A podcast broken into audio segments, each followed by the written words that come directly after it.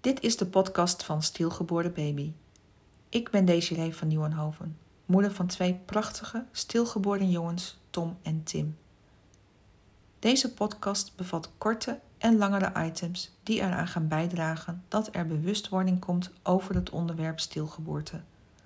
Nog altijd voelen ouders die dit overkomen is zich alleen en eenzaam en vaak onbegrepen. Ik wil ervoor zorgen dat deze gevoelens de wereld uitgaan. Want ook bij een stilgeboorte word je ouder, ben en blijf je altijd ouder. In deze aflevering heb ik het over.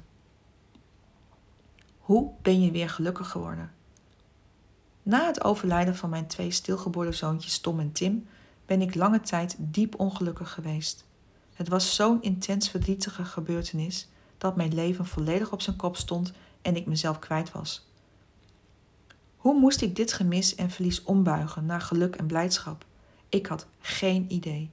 Van alles heb ik geprobeerd. Niets hielp en eigenlijk, als ik heel eerlijk ben, boeide het me ook niet zo heel erg. Want wat had mijn leven nu nog voor zin? Mijn zeer gewenste kindjes waren er niet. Ze waren stilgeboren. Een groot drama voor ouders die dit meemaken.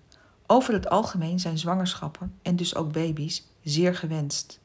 De pijn en het gemis dat gemoeid gaat met dit verlies zijn immens. En hoe je dat een plekje moet geven, dat is vaak een groot vraagteken.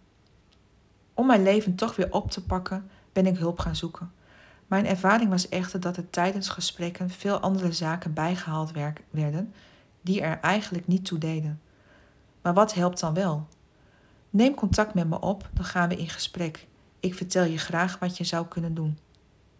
Abonneer je op mijn kanaal om erkenning, herkenning te krijgen over stilgeboorte. Ken je mensen in jouw omgeving die dit is overkomen?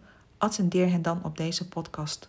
Samen krijgen we het taboe dat op stilgeboorte rust de wereld uit. Wil je meer weten over stilgeboorte en door welk proces je als ouder heen gaat? Lees of luister dan mijn boek. Het is te bestellen op stilgeboordebaby.nl.